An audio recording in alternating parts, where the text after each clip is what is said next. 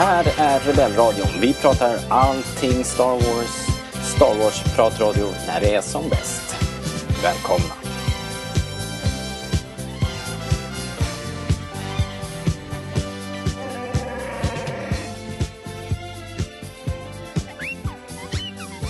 Ni lyssnar på Rebellradion, eh, svensk Star Wars-podcast i samarbete med Star Wars.se. och det här är våra Mandopoddar. Eh, vi ska prata del 13, eller Chapter 13, The Jedi. Eh, Jedin på svenska blir det väl då. Eh, skriven och eh, regi av Dave Filoni. Premiär den 27 november i fredags då och eh, hela 47 minuter långt. Ehm, och eh, det är som vanligt jag då, Robert, som sitter här och babblar och med mig har jag också Fredrik. Hej! Hej! eh, hjärtligt välkommen eh, och eh, sist var det bara du och jag som satt här och ugglade och, eh, och eh, vi tänkte att eh, det är dags att steppa upp det här.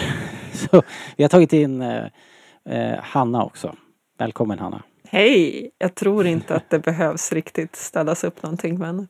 Ah, men det var ju bra att du fick in ugglor i ett avsnitt om Soka.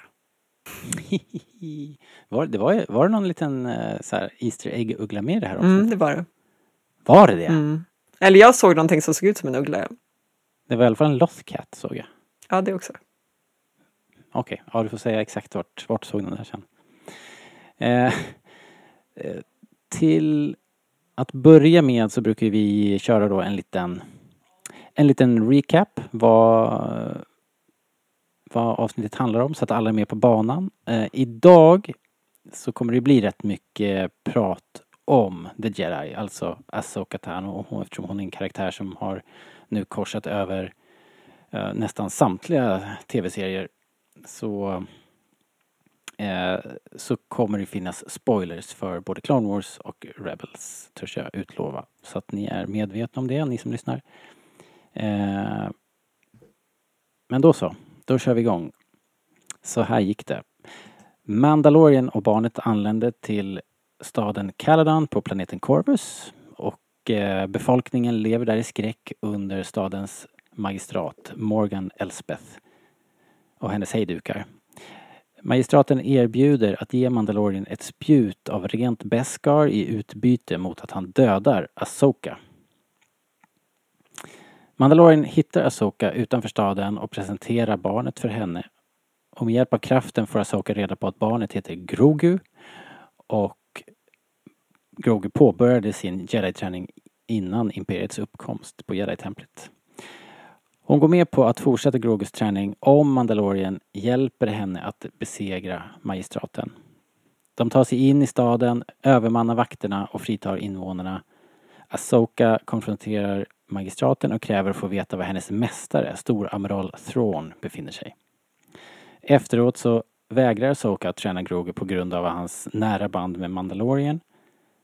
Och istället så sänder de dem vidare till ett uråldrigt tempel på planeten Tython där Grogu kan använda kraften för att bestämma sitt eget öde. Och Asoka överlämnar Beskar-spjutet till Mandalorian.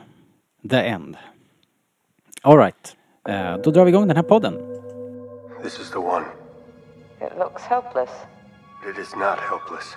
Its species can move objects with its mind. The songs of eons past tell of battles between Mandalore the Great and an order of sorcerers called Jedi that fought with such powers. Take the Foundling to the city of Kaladin on the forest planet of Corvus. There you'll find Ahsoka Tano. Tell her you were sent by Bo-Katan.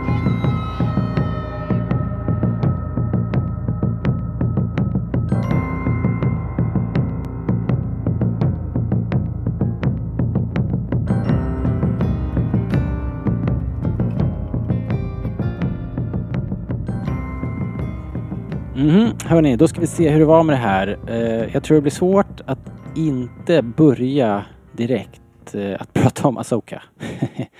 uh, Hanna, blev du överraskad av den här nästan omedelbara introduktionen till, till henne här eller? Ja, det blev jag nog. Alltså, vi hade väl på något sätt ändå tänkt att det här var avsnittet då hon skulle dyka upp. jag hade hoppats på förra avsnittet, men utifrån till exempel då Jakob som berättade att eh, det var Dave Filoni som skulle regissera det här avsnittet och kanske titeln på det här avsnittet kunde man ändå ana att de skulle dyka upp nu då. Eh, men man hade ju på något sätt förväntat sig kanske lite mer en sån här introduktion Mm. liksom. Eh, å andra sidan var det ju en fantastiskt häftig introduktion nu. Tyckte jag. Minst sagt. Ja, jag håller med. Vad säger du Fredrik? Eh, Vi satt inte vi och babblade om att det nog skulle bli en så här nästan cameo-artad eh, eh, besök av Asoka? Eh, Ja, det gjorde vi säkert. Jag vet att jag har sagt det i alla fall. jag hade fel. Ja, nej, men jag trodde nog på att en, en lite större... Att man skulle hålla lite på det. Alltså att de skulle dröja lite i avsnittet och sen när hon väl skulle dyka upp så skulle det ju vara typ som Luke i The Force Awakens. Liksom att bara här är han. Bara, De har ju ju följt en ganska liknande stil, eller så här. Eh, det känns ju som att generellt sett i den här serien så har vi bara sett allting ut, ut- utifrån Din Djarins perspektiv. Eh, Det är ju ganska ovanligt därför att vi liksom får se vad hon gör innan han ens dyker upp, tänker jag. Och jag tror att det är därför man kanske också tänker att man kommer få träffa henne för första gången när han får träffa henne. Ja, Eh, men det här var ju något annat det här var ju coolt eh, att hoppa i, i djupa änden. Hon var ju rätt våldsam där. Eh, tänkte jag faktiskt när jag såg det första gången att eh, det var nästan lite väl i brutalaste laget. Men sen så förstod man ju ganska snabbt att det här staden och magistraten då eh, var en, eh, en riktig despot och, och jag menar det fanns fog för att eh, för att ge sig på det här gänget. Så att eh, när jag väl hade kommit över första, första chocken där så kändes det väl ändå okej, tyckte jag. Jag tänker Ehm. kanske att vi också är rätt ovana vid att se jedis eller ja, i det här fallet före detta jedi som dödar levande organismer. alltså vi har ju Clone Wars där det i stort sett bara är strider mot droids vilket gör att de aldrig känns liksom elaka riktigt eller farliga på det sättet. Liksom. Så att det är ju inte som Nej. att hon är mer våldsam här än vad hon var mot droiderna men det betyder ju någonting annat när det är Ja, exakt. riktiga personer. Nej, precis. Det är inte några eh, så här, eh, insektsmonster eller druider. Och då, Nej, precis. då Ja, får det en annan känslomässig, Ja. liksom, man får en reaktion. Precis. Jag tyckte ju annars att det var, det var ju kul när, eh, när hon liksom pratade med magistraten första gången. Mm. Och sa så här, ja men du får en dag på dig att bestämma dig. Liksom, varför ger hon henne uppskov när hon precis har slaktat liksom halva hennes armé? Ja, hon hade väl hoppats gå in i staden och göra slut på, på resten kanske. Eh, vi såg ju aldrig riktigt upptakten till den där första striden riktigt. Vad som föranledde den menar jag. Jag tänker väl att eh, hon kanske också gav lite andrum i och med att, att hon såg fångarna. Mm. Alltså, jag upplevde i sig inte som att hon brydde sig så mycket om fångarna precis i den där första scenen, men sen var det ju ändå ett ganska stort fokus på att rädda dem senare när hon fick hjälp av Dinjaren. Så att jag tänker att det kanske ändå var det som gjorde att hon liksom pausade och insåg att hon kanske inte bara kunde köta på. Eh, Men jag Ja, kanske. vet inte Precis. riktigt om jag tolkade det rätt. Det är lite svårt att veta exakt var Asoka befinner sig eh, mentalt och emotionellt. Verkligen. Exakt, ja det är det också. Det var, ja, det var kanske där som gjorde att jag, när, när allting började så bara shit, vad är det frågan om? Vad, vad gör hon för någonting? Liksom. eh, Calodan kan bara första anblicken så här, de hade pratat om en skogsmåne tror jag va, när vi träffade Bokatan och eh, men det är ju bränd, ödelagd skog. Det är väldigt spooky och uh, sådär. Uh, men det blir häftigt uh, såklart. Asoka försvinner in och ut ur, ur dimbankar och, och sådär. Sen har vi ju, får vi ju träffa då som ni sa den här Morgan Elsbeth som är magistraten eller Alltså jag var tvungen att googla det. Vad är det för någonting? Så här. Administratör eller förvaltare kanske man kan eh, översätta det till på svenska. Eh, hon, skådisen, eh, eh, eh, eh, skrev jag inte upp vad hon hette här, det var ju kast. nu ska vi se. Hon heter Diana Lee Inosanto. Och Eh, hon var ju eh, supercool tyckte jag. Eh, och hon har ju lite att brås på också. Hon, hennes far var en sån martial artist som heter Dan Innocento och det var, han var Bruce Lees student och träningspartner och vad jag förstår så är hon här, hon är också Bruce Lees guddotter. Så, och det syntes ju tyckte jag att hon hade alla moves. Hon var ju definitivt, hade pondus. Jag tyckte hon var väldigt eh, häftig faktiskt eh, i den där rollen. Sen så hade hon ju bredvid sig den här Lang, eh, den här uh, shifty military gun for hire typen. Det var ju Michael Biehn eh, som ju är en eh, ja, gammal actionskådis. Mest känd för, eh, måste man väl ändå säga, uh, Aliens? ja, just det, Aliens. Jag hade tänkt att säga den andra. Terminator kanske? Terminator som jag håller på nu. Ett och två. Nåja. Eh, jag tänkte Asoka här och eh, tidslinjen lite grann. Du nämnde ju det Fredrik, var, det var lite svårt att veta vad vi har Asoka och eh, det är inte så konstigt eftersom Eftersom hon har varit med i det här nu då och hon har varit med, jag menar började i sin eh, Ja, vi fick ju först träffa henne i Clone Wars för länge, länge sedan då var ju hon bara en, en eh, liten tonåring. Sen har hon gjort, eh, tittat in i Rebels. Var hon med i, i den här tredje serien som jag inte kommer ihåg vad den heter nu? Resistance. Resistance. Var hon med där någonting eller? Nej, det tror jag inte. Det skulle ju vara lite spoiler i så fall att veta att hon lever så pass Jaha. mycket senare. Just det, okej. Okay. Ja, Eller jag tänker att de liksom vi... undviker det även om hon skulle vara vid liv. Ah, Okej, okay. ja det är ju det här som är problemet. Hur är tidslinjen i, egentligen liksom?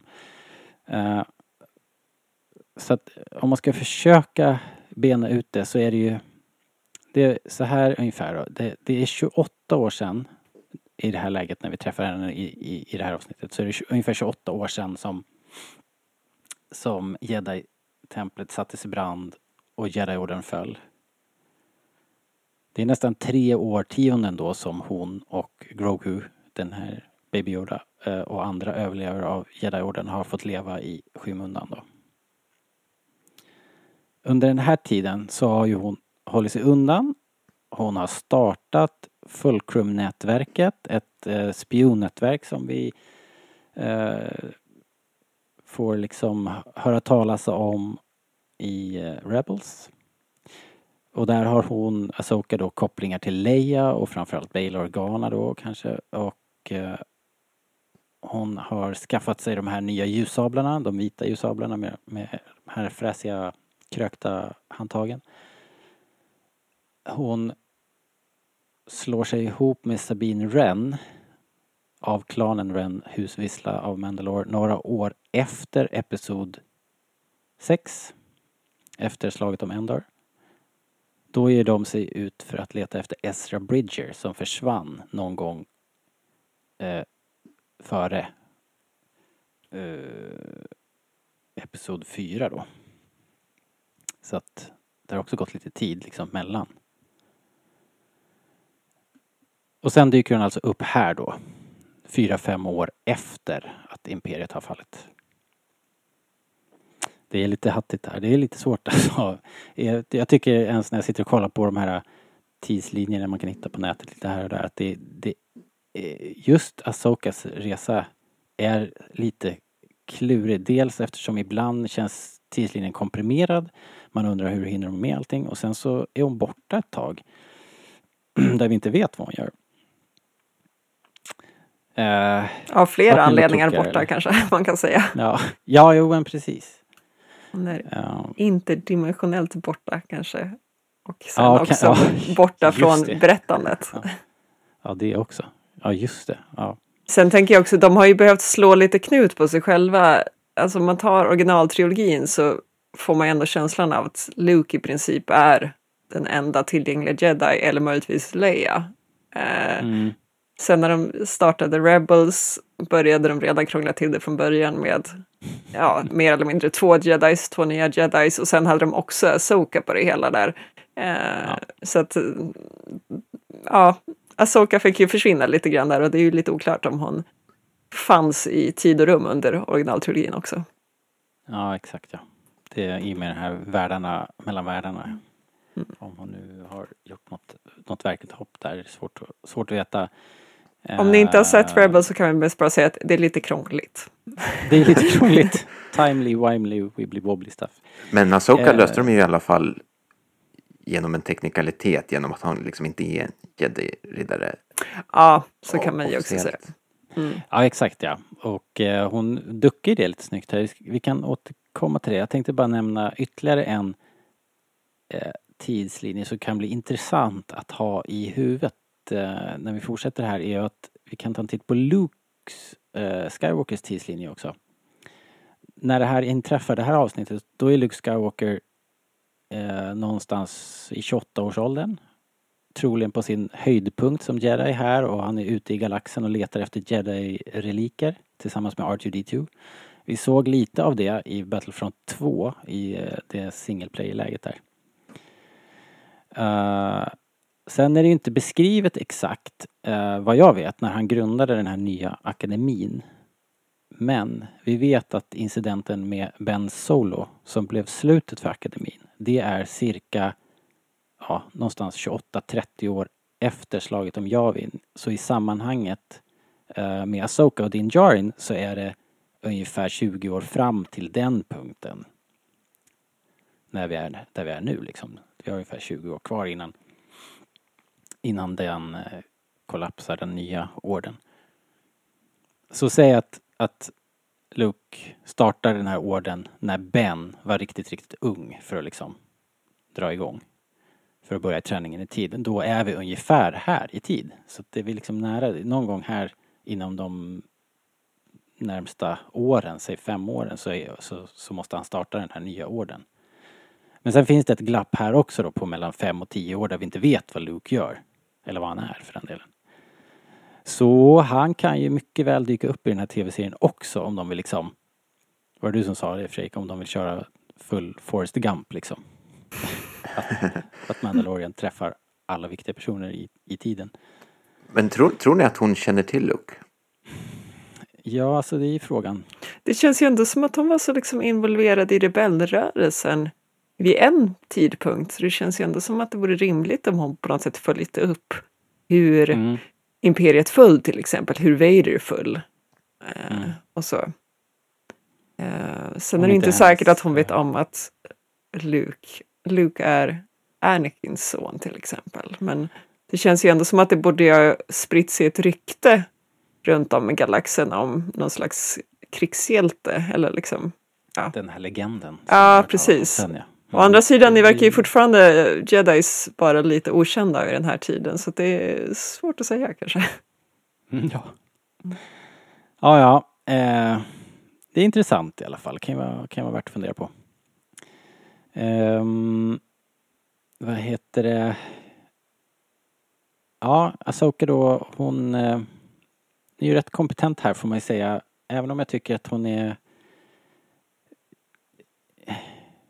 Ja, hon är ju inte kanske på topp. Vi har ju sett henne göra eh, brutalare saker och med mer fantastiska saker. Men, men det är samtidigt lite orättvist kanske att jämföra den tecknade serien med, med det här. Eh, det skulle ju se... Eh, det skulle, Konstigt det, ut. ja, men det skulle se konstigt ut. De gör ju väldigt konstiga... De hoppar ju eh, och sådär och gör fantastiska volter och konster i, i den tecknade serien. Jag tänker också Eh, framförallt att- Asoka har ju alltid varit extremt fysisk eller smidig eller vad man ska säga. Hon har väl liksom nästan Ja. varit max som man har sett av alla jedi man har sett liksom. Nu får hon ju Ja, ett ganska roligt hopp precis i början när han virar ett lassor runt henne eller liksom ett rep runt henne Ja, så gör hon ju ändå någonting som påminner om liksom gamla Asoka men eh, ja, det hade blivit en konstig mismatch. Jag vet att vi var inne på det lite grann, vi satt och pratade om Clone Wars här om dagarna. Eh, när man, alltså att de klippte in, eller lät Ray Park göra motion capture-delen av mål till någon av de här sista avsnitten och man ser ju att det blir en annan sorts rörelse för att de måste liksom ändå följa de fysiska lagarna på ett helt annat sätt. Eh, Exakt. men i det här, så att det är liksom, det är en helt annan grej med de animerade. Ja, jag tror också det hade känts... Eh, eh, det hade blivit det där uh, disconnecten man får med dålig CGI när, när, det liksom inte, när de fysiska lagarna slutar att funka och kropparna inte väger någonting. Och så där. Det, Precis. det reagerar man ju ännu starkare på. Så att jag tyckte det här var riktigt snyggt faktiskt. Jäkligt snygga moves överlag. Och sen hade, tycker jag att, eh, att hon hade Rosaria Dawson som spelar Asoka här. Hon hade liksom snappat upp eh, lite mimik och rörelsescheman. Så jag tyckte faktiskt att det, trots att det är en helt annan skådis nu då som, som är Asoka här, det är ju inte eh, Ashley Eckstein utan som gjorde rösten i alla, alla år. Eh, så bortsett från rösten så tycker jag att alla liksom små maner och, och eh, även eh, små, små detaljer som när hon vänder sig och när hon springer och hoppar och, och det ser verkligen ut som Asoka. Jag är väldigt nöjd faktiskt. Förvånansvärt bra tycker jag det eh, Vad känner du Fredrik? Känner du igen liksom Asoka från, från alla år av animering? Oh ja, jag köpte det rakt av. Mm. Inga betänkligheter alls sådär med, med, för de har ju fått ändra lite på henne såklart i, ja vi pratade om rörelsemönstret, eh, de extrema hoppen och skutten och så, men de har ju ändrat eh, outfit och de har ändrat eh, hennes eh, liksom fysiska eh, attribut lite grann då. Nej, alltså det... Det får man bara köpa som tolkningar. Liksom beroende på medium. Mm. Eh, För det är ju samma författare och det är inte som att de har glömt bort hur hon såg ut eller gjort ett misstag här utan det måste ju finnas praktiska skäl till att det ser ut som det gör. Eh, tänker jag. Ja, men alltså det är ju samma sak. Alltså om du läser en serietidning, liksom, där gör ju folk större grimaser än vad man gör på riktigt. Liksom. Så går man inte Ja. omkring och gör. eh, Nej. Nej, det enda som jag liksom tänkte på med Asoka, det var ju hennes sätt att vara. Hon kändes lite lågmäld Mm. stundtals. Men hon är ju rätt mycket äldre då. då. Eh, vad sa vi nu? Eh, det är ju då, hon har ju hållit sig gömd. Och dryga I- 40 år då. Alltså om man I- är i tonåren där i Clone Wars, tänker jag. Ja, precis. Eh, vad skrev jag? Ungefär 30 år hade de hållit sig gömda. Eh, Att det är väl bara en naturlig utveckling att Ja, man kan tänka det. Lite mer livserfarenhet och, och kanske lite sliten och, och möjligen lite desillusionerad. Som man blir åldern. Jag tyckte hennes röst funkade faktiskt otippat bra trots att det är ett ganska mycket mörkare tonläge på Rosario Mm. Dawson. Alltså Ashley Eckstein har ju ganska pipig röst vilket funkar jättebra när hon var tonåring men också blev lite konstigt när bara i Rebels liksom tyckte jag för att eh, ja, en 30 30-åring kanske Ja. inte har riktigt den rösten. Nu har ju sig hon det privata, Ashley Eckstein, men liksom det, det är en ganska ovanligt ljus röst. Så jag tycker att Ja. eh, dels så passar liksom den mörkare rösten på hennes ålder, men sen tyckte jag också att hon det känns som att hon har försökt lyssna på hur Ashley Eckstein pratar och eh, var hon liksom betonar orden och sånt där. För att det lät inte riktigt som den typiska Rosario Dawson. Nej, utan mera som att det. det känns som att hon, det är Rosario Dawson som försöker låta som Asoka. Och det Ja. var helt okej för mig. Jag tyckte också det. Jag kände det också att hon har eh, på något sätt anammat eh, eh, liksom, eh, vad säger man, eh, takten i Mm. talet på något sätt. Eh, och sen så tror jag att Asoka, alltså eller vad heter hon, Ashley Eckstein i de här sista avsnitten har försökt att också försökt att tona ner eh, lite grann. Så att det flöt ihop ganska bra här ändå tyckte jag, precis som du säger. Det var nice i alla fall.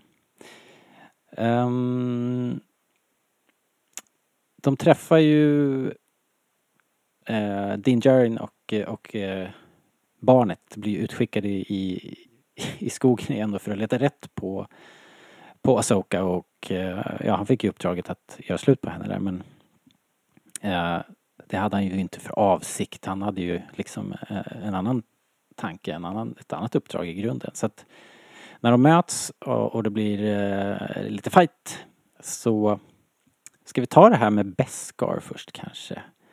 Eh, och ljussablar. Det är ju lite intressant.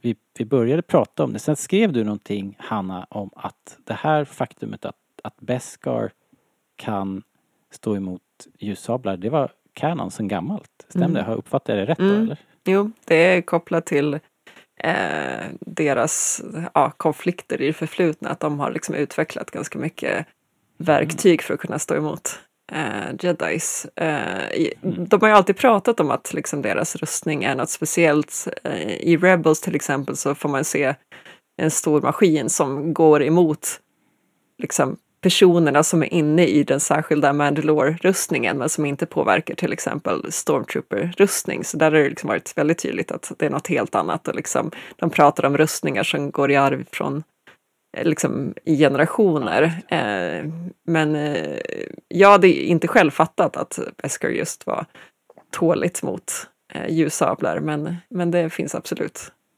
kanon-spår på det. Hmm. Det är ju intressant ändå. De det har där är ju gjort en jag- grej av det. Ja, förlåt. Säg du Fredrik. Va? Nej, nej, men det var någonting jag suttit och funderat på i flera avsnitt. För han blir ju skjuten och liksom slagen och hej och hå. Mm. Eh, liksom, har inte han väldigt mycket mjukdelar också? jo. De är väldigt bra på att missa de där mjuka delarna. ja.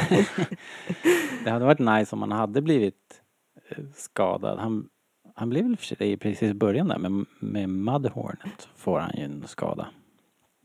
ja, just Men jag har också tänkt det att han skulle kunna bli, skulle ju kunna få ett, ett litet, eh, att de snuddar honom i alla fall i, i liksom mellan pansaret någon gång.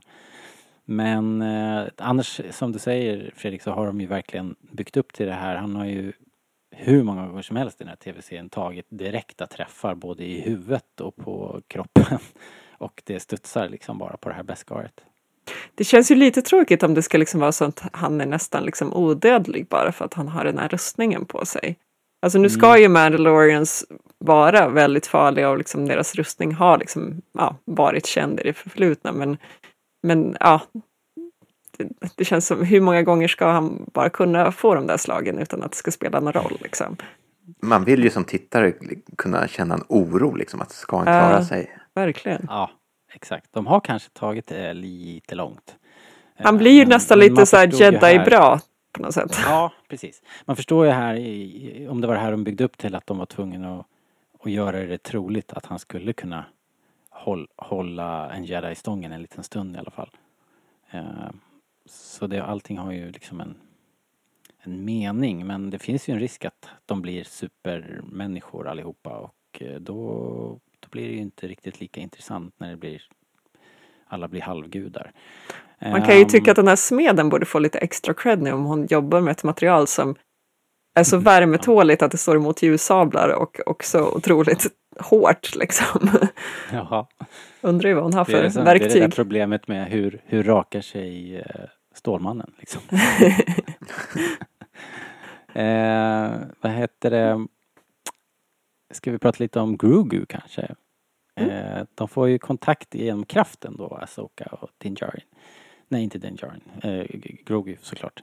Eh, vilket ju var, var härligt. Det var ganska mysigt där runt lägerelden och det var härligt att se dem eh, meditera och kommunicera och det var ju hur, han är ju så, han slutar ju aldrig vara supergullig det här barnet. Man, jag kan inte, liksom, jag har inget försvar mot den, mot den där lilla krabaten. Jag, jag bara smälter hela tiden. Jag tror faktiskt att han har eh, ändrat sig, min... Eh, alltså jag har ändrat syn på honom faktiskt. Dels efter att han åt upp de här grodäggen. Ja, Men sen kanske också lite efter det här avsnittet. Alltså man, då blev man plötsligt påmind om så här, men just det, han har så force-chokat. Uh, Mm. Cara Dune till exempel. Och så, jag tycker att han bara blir lite obehaglig.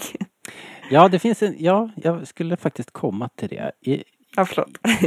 Att, nej, nej, absolut, det kunde inte du veta och, och jag hade väl inte telegraferat det direkt. Men, men han är ju ändå i eh. Har gjort ganska häftiga grejer. Han lyfte en mudhorning liksom och eh, otränad är han ju. Så jag menar, uppenbarligen finns det potential här och att inte träna ett sånt här barn, som Asoka tar ju det här beslutet direkt nästan för att för att hon ser den här känslomässiga kopplingen till Din Djarin. Och, och det, det är helt rimligt tycker jag att hon tar det beslutet. Men samtidigt i förlängningen, var ska det, var ska det hamna?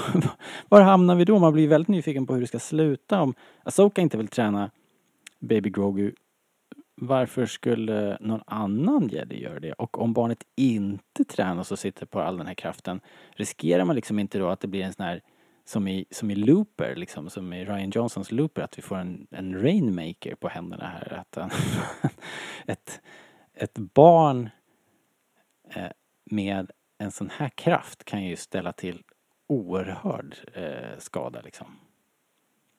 Vad, vad tror ni? Vad, vad, är en, vad är ett bra, en bra lösning på, på problemet då? Fredrik, vad ska vi, vad ska vi göra med Grogu? Ja, skulle du bolla den till mig? Ja, Eh, lös det här tack. eh, ja, vi dödar honom. Ja, eller? Vi får skicka... Skicka eh, Luke. Alla, alla guild är- members. Nej, men jag tänker vi skickar Luke, han är ju bra på att döda försvarslösa Döda barn. force varelser. Star Wars är verkligen inte vad det var en gång. Nej, men, nej, men det, är ett, det är ett problem. Och, och visst blev man lite paff. Liksom, för att det här kändes ju ändå som att liksom, det skulle vara endgame. Liksom, att man, man har väntat. Att, nu blir han tränad. Mm. Och så skickas han bara vidare. Och bara, nej. Eh, därför att hon har, Asoka levererar ju en lösning. Det är bättre att bara låta honom, eh, låt, låta det här förtvina, tyna bort liksom. Gör inte en grej av det, låt det vara och så kommer Men det har ju uppenbarligen inte det. funkat. Det har inte funkat än. Eh, men det är ju ändå en väg ut. På något sätt. För att, Han kanske inte blir så stark, tänker jag, om, om man inte tränas alls. Visst, han kommer ha krafterna och det han, han kommer säkert kunna missbruka de krafterna han har, men jag tänker att de krafterna kanske inte växer så otroligt mycket som det gör om man tränas som jedi eller sith eller liknande. mm, Jag har faktiskt aldrig tänkt ens att det är- finns en möjlighet att det ska just som du säger så här att kraften liksom fade away som hon säger. Eh, jag tyckte att det var ett ganska coolt begrepp liksom att hon tänker att ja, men han, har, han verkar ju inte alltid minnas allting han har varit med om och minns liksom inte träningen så jättebra och sådär att det liksom finns som ett alternativ. Att eh, bara låta kraftkänsliga personer få vara som de är liksom. mm. Det är ju, det känns logiskt. Eh, I, I synnerhet som vi vet att liksom jedis spenderar otroligt mycket tid i att träna och fokusera och meditera och sådär. Så de verkligen utvecklar ju den här förmågan och den här gåvan de har. Så det rimmar väl ganska bra. Men som sagt, eh, det blir ju intressant att se hur, hur det slutar. De kan ju inte riktigt lämna det helt öppet va? Bara sluta efter tre säsonger och sen så går de ut, vandrar de iväg i solnedgången. Eller? Ja, kan man kanske. Får jag bara fråga en sak här? Jag kände att jag inte riktigt hängde med på det här med hur han hade levt i Jedi-templet. För att först och främst var det lite så här, har Asoka och Grogu träffats innan? Eh, hon säger att han heter Grogu och att de har liksom, han har berättat om sitt förflutna, men jag tror inte hon säger ifall det är nu hon får reda på hans namn eller om de faktiskt har setts innan. Eh, det var en av de här frågorna jag undrade om. Fast hon hade ju bara sett en annan som honom. Så de Ah, okej. tror Ah, ja. att de, de Mm. inte var bekanta. Men rent Nej. teoretiskt så kan de ju ha passerat varandra. Tänker liksom att är, de borde kännas vid varandra i templet, men de kanske är så pass många så att det inte går. Svårt att veta hur många de är Eh, också. Ja, precis. Eh, Men sen så undrar jag liksom lite, alltså jag upplever ändå att Grogu är liksom ett spädbarn fortfarande. Och de pratar liksom om att han har tränats i decennier, så frågan är liksom, har han på något sätt gått tillbaka lite i barndom för att han har varit med om traumatiska saker? Eh, eller är han inte så barnslig som vi tror? Eller har de liksom hållit på och tränat någon som eh, har de tränat en toddler eller har han varit, är han mycket smartare än vad vi tror eller var han smartare från början eh, men att han har liksom varit med om så hemska saker så att han gått tillbaka i, till barndom på något sätt. För att det jag menar är väl egentligen att Ja. det känns, det, måste ju varit ganska hopplöst om man nu har en varelse som åldras väldigt, väldigt långsamt. Att liksom lägga år och år och år på någonting som kanske då utvecklas ganska långsamt också. Kanske inte, alltså är svårtränat på något sätt. Ja. Ja, det här... Det, alltså jag, jag älskar den här serien. Och, eh, men det här får jag ju inte ihop. Vi har ju pratat om hans ålder förut. Det är ju det är väldigt svårt att få ihop det här pusslet. Jag hade ju hoppats nu när, när de fick kontakt med Asoka att hon på något sätt skulle rättkonna den här serien. att liksom bara, nej vad snackar du om? Han är ju bara 12 liksom. Det var din intel från förra säsongen som inte stämde. Liksom. Exakt. Ja. någon feltolkning att instrumenten kan inte läsa ordentligt eller någonting, vad vet jag. Nåja. Eh, Fredrik, har du några favoritteorier om det här med uppväxten och, och eh, träningen av, av Baby G, som vi får kalla honom nu för tiden? Kallar inte ni honom för Grogu? jo. Jag tänker att man får, man, vi får lära om nu och eh, hitta, hitta nya eh, favoritbenämningar. Liksom. Eh, ja, men jag, men jag tycker själva frågan det är ju supersvårt. Uh, alltså jag hade ju en idé om att han kanske vet mer än vad man... eh, eller vad han ger sken av. Mm. Eh, han kanske bara inte kan uttrycka det utåt. Mm. Eller jag tänkte, för hon läste ju på något sätt av hans tankar. Om hon ändå kunde läsa så mycket som hans namn så måste det ju finnas en viss eh, intelligens där inne. Mm.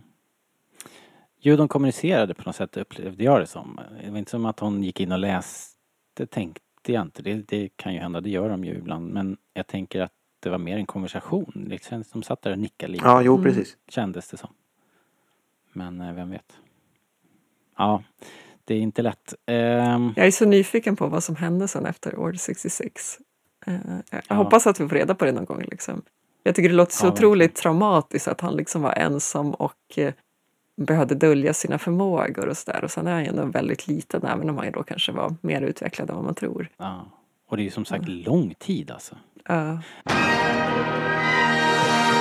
Hi, this is Ashley Eckstein, voice of Ahsoka Tano from Star Wars The Clone Wars and founder of Her Universe, and you're listening to Rebel Radio.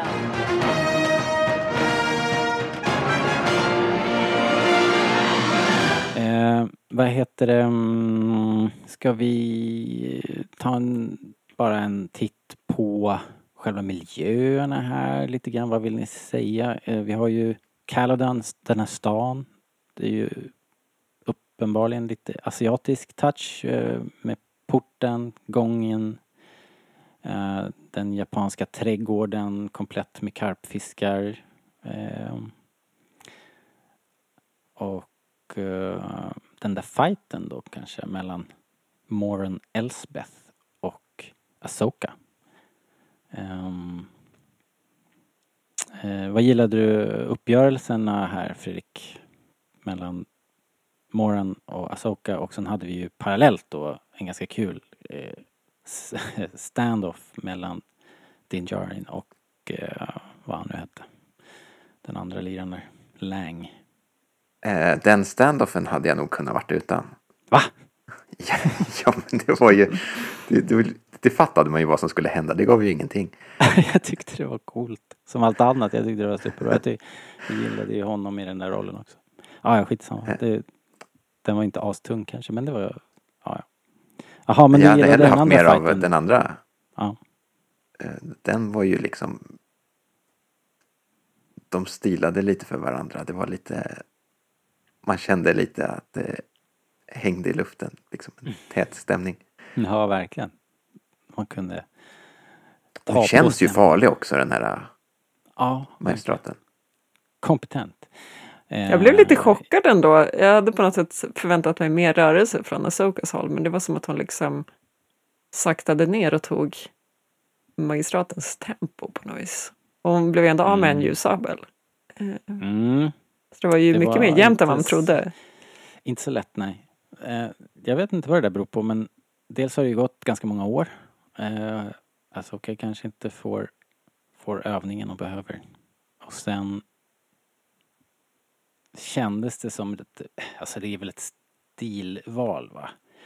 Eh, liksom hela fighten. Det är ju, det var ju nästan så här, eh, vad heter den, eh, Kill Bill 2 där i den här japanska trädgården och de liksom mera som två katter stirrar ut varandra och sen så blir det några slagväxlingar och sen så tar de nya tag igen och så, ja.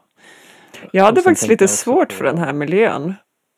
Okej, okej. Eh, men jag vet inte riktigt, alltså det kanske också är min på något sätt liksom europeiska cent- centrering kring det hela, men på något sätt blir det liksom när de trevar för mycket på kulturer som jag inte själv är van vid, som till exempel här och eh, östasiatiskt, eh, då känns det som att man reagerar så starkt på det. Liksom, det är så tydligt var influenserna kommer ifrån.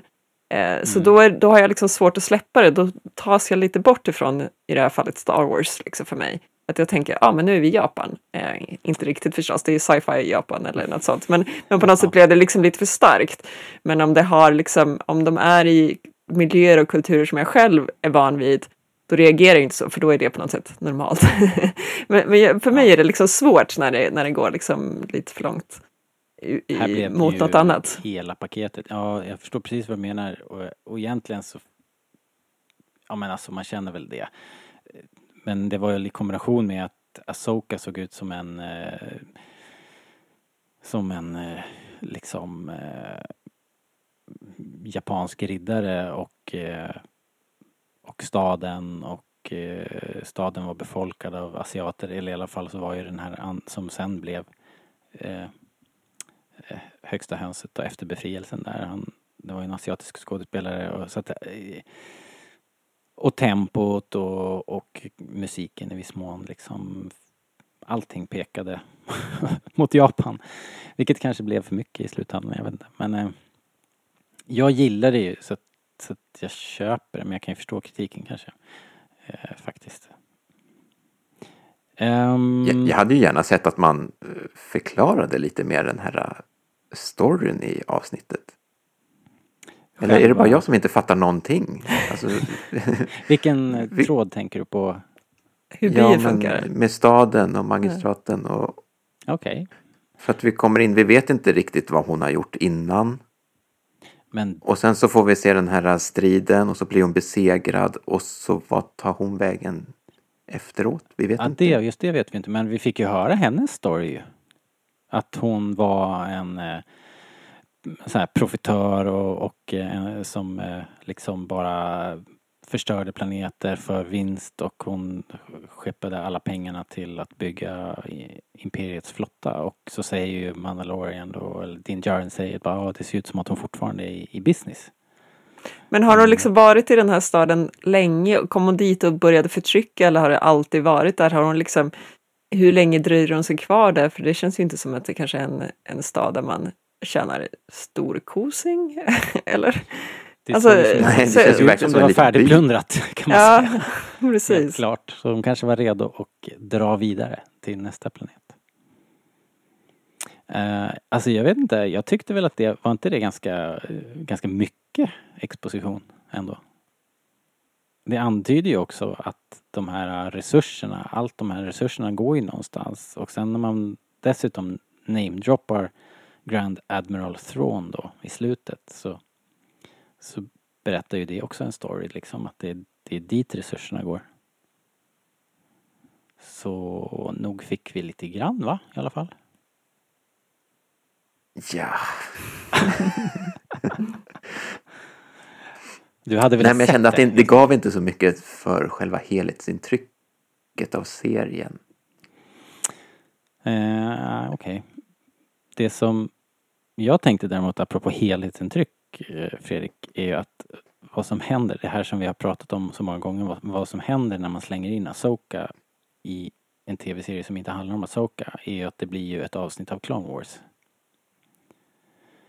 Ja. Eh, Och det kändes det väl som. Eller? Eller hur? Ja, väldigt mycket faktiskt. Eh, så det vill man ju kanske inte att det ska... Nu har vi haft då Bo-Katan avsnittet och det här avsnittet. Men på så sätt så tyckte jag att det var ganska skönt också att hon liksom faktiskt sa nej i slutet. För att då kändes det lite som att okej, Mm. eh, hon kommer inte att ta över hela serien. Nej, jag hoppas verkligen det. Men du tror inte nu att, att vi, vi kommer inte följa upp den här Grand Admiral Thrawn-tråden i det här eh, formatet som är The Mandalorian? Eller? Äh, gud, jag hoppas inte det. Det vore ju jättekul om de helt släpper det. Det hade jag inte ens en tanke på. På något sätt tänkte jag att vi inte skulle se Soka så mycket mer. Men det kändes liksom som att okej, nu får vi Thrawn också. En till. men det vore ju Ja. ganska kul om det bara sker liksom parallellt. Eller det kanske kommer någon framtida grej, eller inte vet jag. Men, eh, men att liksom, ja, vi råkar möta henne i en stund då hon är på jakt efter eh, Thrawn. Det visste vi ju i sig också Mm. efter Rebels att hon var på jakt efter Thrawn. Men, eh, men att det är, liksom, det är inte där vårt fokus ska ligga, så vi får på något sätt bara släppa det. Jag hade, jag hade inte Mm. kopplat det så långt. Jag blev mest bara mätt när jag hörde hans namn och tänkte åh nej, jag orkar inte. men, men, men om han, han kanske inte är relevant liksom. Jag tänker att det finns i alla fall alla möjligheter att inte springa ner för den vägen. Jag hoppas de skiter i det faktiskt. För jag vill inte det. För då blir det ju då blir det en helt annan tv-serie. Och jag är så himla nöjd. Å andra sidan så kanske han har eh, jättestarka kopplingar till eh, eh, Moff Gideon. Så att, Ja visst, så kan det verkligen vara. Eh, Var det någon annan som tänkte att det inte var Thrawn-namnet som skulle droppas utan att det var målnamnet som skulle droppas? Eh, jag förväntar mig inte ett namn överhuvudtaget. Så att det var... Nej. Jag blev förvirrad när de pratade Master så lät det liksom som att det var Sith-kopplat, alltså Palpatine Mm. eller någonting, vilket kändes som fel era, men man vet aldrig. Jag Eh, tänkte att eh, Asoka var liksom jagade efter, Ja, ja, ja. efter eh, eh, mål då, då efter, efter allt som har varit mellan de två. Ja, precis. Men, eh, men då hade jag inte tidslinjen riktigt klar i pallet. Då det har gått några år. Jaha, Det är inte hörni, riktigt relevant eh, längre att jaga mål kan man väl säga. Nej. Nej. Eh, kanske, kanske inte. Eh, vad heter det? Ska vi börja runda av eller? Vi har pratat eh, i nästan en timme tror jag. Men, men ganska länge i alla fall. Är det någonting ni känner att eh, vi har eh, ignorerat här som ni absolut vill säga? Hanna? Ja, vi- nu var vi kanske lite inne lite på det här med jedis och mandalorians och sådär, men Mm, det som slog mig lite grann i det här avsnittet, det var att det var liksom så självklart att så här, jedis och mandalorians, de är liksom självklara fiender. Det har de ju nämnt tidigare också, just att han ska leta på Mm. jedis. Eh, jag tycker kanske inte att det är någonting vi har sett så tydligt i de andra serierna. Alltså, om vi tar i Clone Wars, eh, då finns det en konflikt mellan Jedi-orden och dåvarande Mandalorians för att ja, de ena tillhör republiken och de andra är neutrala. Eh, bland annat. Eh, sen i Rebels är det ett problem för att Mandalorians och Imperiet hänger ihop och vi hejar på rebellerna och då råkar Jedis vara med rebellerna. Men den här liksom självklara fiendeskapet tycker jag inte har varit så där supertydligt trots att vi då har sett, ja men så här, okej, Beskar tål ljussabel, vi ser i Clone Wars har de eh, liksom burar som kan på något sätt stoppa kraften och sådär. Liksom, det finns absolut tendenser till det, men den här grejen att så här, "Öh, en jedi och en mandalorian tillsammans. Det tycker jag liksom inte kändes så självklart. Vi har liksom bara huvudpersoner i Rebels är bland annat en mandalorian och en eh, force wheeler eller en jedi. Eh, så att det kände jag faktiskt eh, var lite off, fast liksom igen, trots att det egentligen är canon med den Ja. konflikten på något sätt. Det är fascinerande för att det är så, det är så gammal. Dels är det gammal kanon och dessutom så är historien så gammal. Jag började googla runt, Wikipedia runt på det där. Ehm, och vad jag förstår så är ju liksom den där konflikten, den är ju så här 3000 år gammal. Det är ju Mm. liksom The Great Galactic War. 3500 år sedan och Mandalore the Great nämndes ju i något sammanhang i den här tv-serien. Och bara det faktum att Mandalore inte går att bo på annat i små bubblor är ju liksom en, ett resultat av den konflikten. Ah, okej. Till och med. det Liksom, kriget var ju egentligen Sith, eh, eh, vad heter det, imperiet va? Och mot, mot byket och Eh, ja, det kanske också eller? varit. Men jag tror, jag tror att, som jag förstått det, så sis, det sista kriget mellan Jedis och Mandalore, det är det som ödelägger den här planeten. Och då vet, tror jag inte Mm. Sith som är i det hela, utan jag tror att det bara är Jedis All right. och Mandalore. Det finns ju en, det slog mig förresten också nu, som jag inte hade fattat. Eh, det finns ju på, i Mandalores huvudstad, det här, nu pratar vi Clone Wars, så får man se en så här jättehäftig väggmålning. Mm, just det. Eh, det är i samband med att Maul och Sidious slåss bland annat syns den väldigt tydligt. Eh, som påminner väldigt, väldigt mycket om Picasso. Eh, Mm. Ja, eh, Guernica... ja, precis. Guernica av typ, Picasso. Men sen så, jag tittade på den igen nu och det är egentligen bara jedis som ser ut som av den här typiska Picasso förvrängda ansikten-grejen. Sen på andra sidan den målningen så är det liksom Mandalore, Mandalorians som ser helt vanliga ut. Alltså att jedis på något sätt är liksom fortfarande så helt förvrängda och konstiga för att det är liksom deras huvudfiende. Eh, Så här, riktig propaganda. Ja, och jättehäftigt att det finns kvar trots att de liksom blev pacifister. Eh, men, Ja. så så det, det, har ju liksom funnits hintar här och där, det är bara att jag kanske inte själv har känt det för jag har inte tagit del av den, eh, det materialet. Liksom. Eh, så att för mig kändes det lite konstigt i det här avsnittet av eh, The Mandalorian att, att liksom just den här grejen, bara, ah, men de kommer aldrig tänka sig att en jedi och en Mandalorian kan gå ihop. Liksom. Trots att vi då har sett Nej, det, det- ett antal det gånger sen i det förflutna. Det är som med svenskar och norrmän. Ja. Eh, eller vad du brukar säga Fredrik? Nej, det. Star Wars-fans och... Ja, just det. Nej. Star Wars och Star Trek. Nej, vi gillar De det namedroppar ju Titan också förresten. Eh, det visade sig också vara ultragammal, kommer från något spel tror jag från eh, eller också, det har också med det här stora kriget att göra. Titan är Jedi-ordens hemvärld på den där tiden. Och det är ju den planeten nu som de blir skickade till härnäst. Eller? Har jag blandat ihop det? Jag tror att det var så. ja, jag tror det. Så att om de kommer dit, om Din Djarin och Grogu tar sig dit så kommer vi få se riktigt gamla grejer. Vilket kan Alltså bli jag är nyfiken på vad som ska hända, för det lät så här.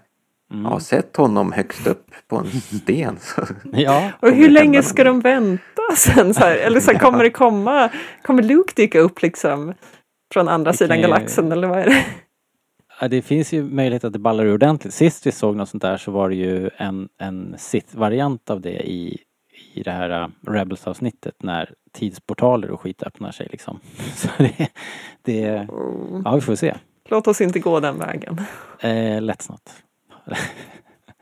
Okej, ja men då så. Eh, Men nu var det bara jag som fick svara här. Hade Fredrik någonting att säga Ja precis, Fredrik hade du kvar några, några Nej, jag Ovända aldrig någonting stenar. att säga. Jo. Eh, nej, ingenting direkt om avsnittet. Eh, jag tycker väl vi kan ta en liten stund och minnas eh, David Prowse Ja, Mm. som vi förlorade häromdagen. David Prowse. Har ni träffat David vid något tillfälle? Ja. Eller sett Mm, ja. honom i samma rum. På uh, mässa, antar jag? Ja, precis. Vi var på samma mässa, sci-fi-mässan tror jag det var. Eh, Ah, när okej. han hade frågestund. Just Men jag har inte okej. skakat hand eller något sånt. Fredrik då, har, han, har du varit på någon sån här VIP-grej med honom? Nej, eh, han var nog på den första sci-fi-mässan som jag var på. Way, way back. Mm. Och jag höll ju även på innan dess att så här, skicka massa brev till kändisar och fråga om autografer och sånt där. Mm. Eh, Och han var faktiskt den allra första som svarade. Så att, Nej, vad kul! Kul. ja. Fick du en Så, liten eh, personlig hälsning då också? Ehm, ja, jag fick en autograf i alla fall. Ja, inte, inte illa. Jag träffade honom, det måste nästan ha varit första gången jag träffade honom var, var nog samma mässa som du pratade om Fredrik, den första gången han var här. Då var han också signerade på, låg en liten butik någonstans bakom, på Söder bakom Skatteskrapan där de sålde Laserdisc som var, som var häftigt då. Eh, så det var en signering där liksom. Man kunde komma dit och få signerat. Och jag hade tagit med mig en, en filmbox. Alltså en tre videofilmer i, i de här som fanns då. Och eh, då var de jättesura för att jag inte köpte en box i butiken liksom. Så det var lite groll där. Kommer jag ihåg. Men jag fick den signerad i alla fall. Och jag har den kvar bara för att eh, liksom, det står ju David Prowse is, is Darth Vader på den. Så jag kan inte göra av med den. Trots Nej. att jag inte har någon, någonting att spela den på. Ja, ja det var tråkigt. Eh, han, var, han var rätt gammal, han var 85 va? och eh, har varit skruttig i många år. Så, så kanske inte jätteöverraskande ändå, men, men tråkigt såklart. Eh, så det var bra. Bra att du sa det, Fredrik. Men då så. Ja. Då rundar vi av det här då helt enkelt. Vi är ju tillbaks igen nästa vecka. Då har jag ingen aning om vad vi har att vänta. Jag vet ingenting verkligen. Vi har ju inte sett några klipp nu framöver. Inga trailrar, ingenting. Jag har inte klart för mig vem som har skrivit och regisserat. Eller skrivit kanske jag kan gissa men That's it. Eh, så vi får ta det på volley när det kommer. Det blir kul. Och det kan inte komma snabbt nog känner jag.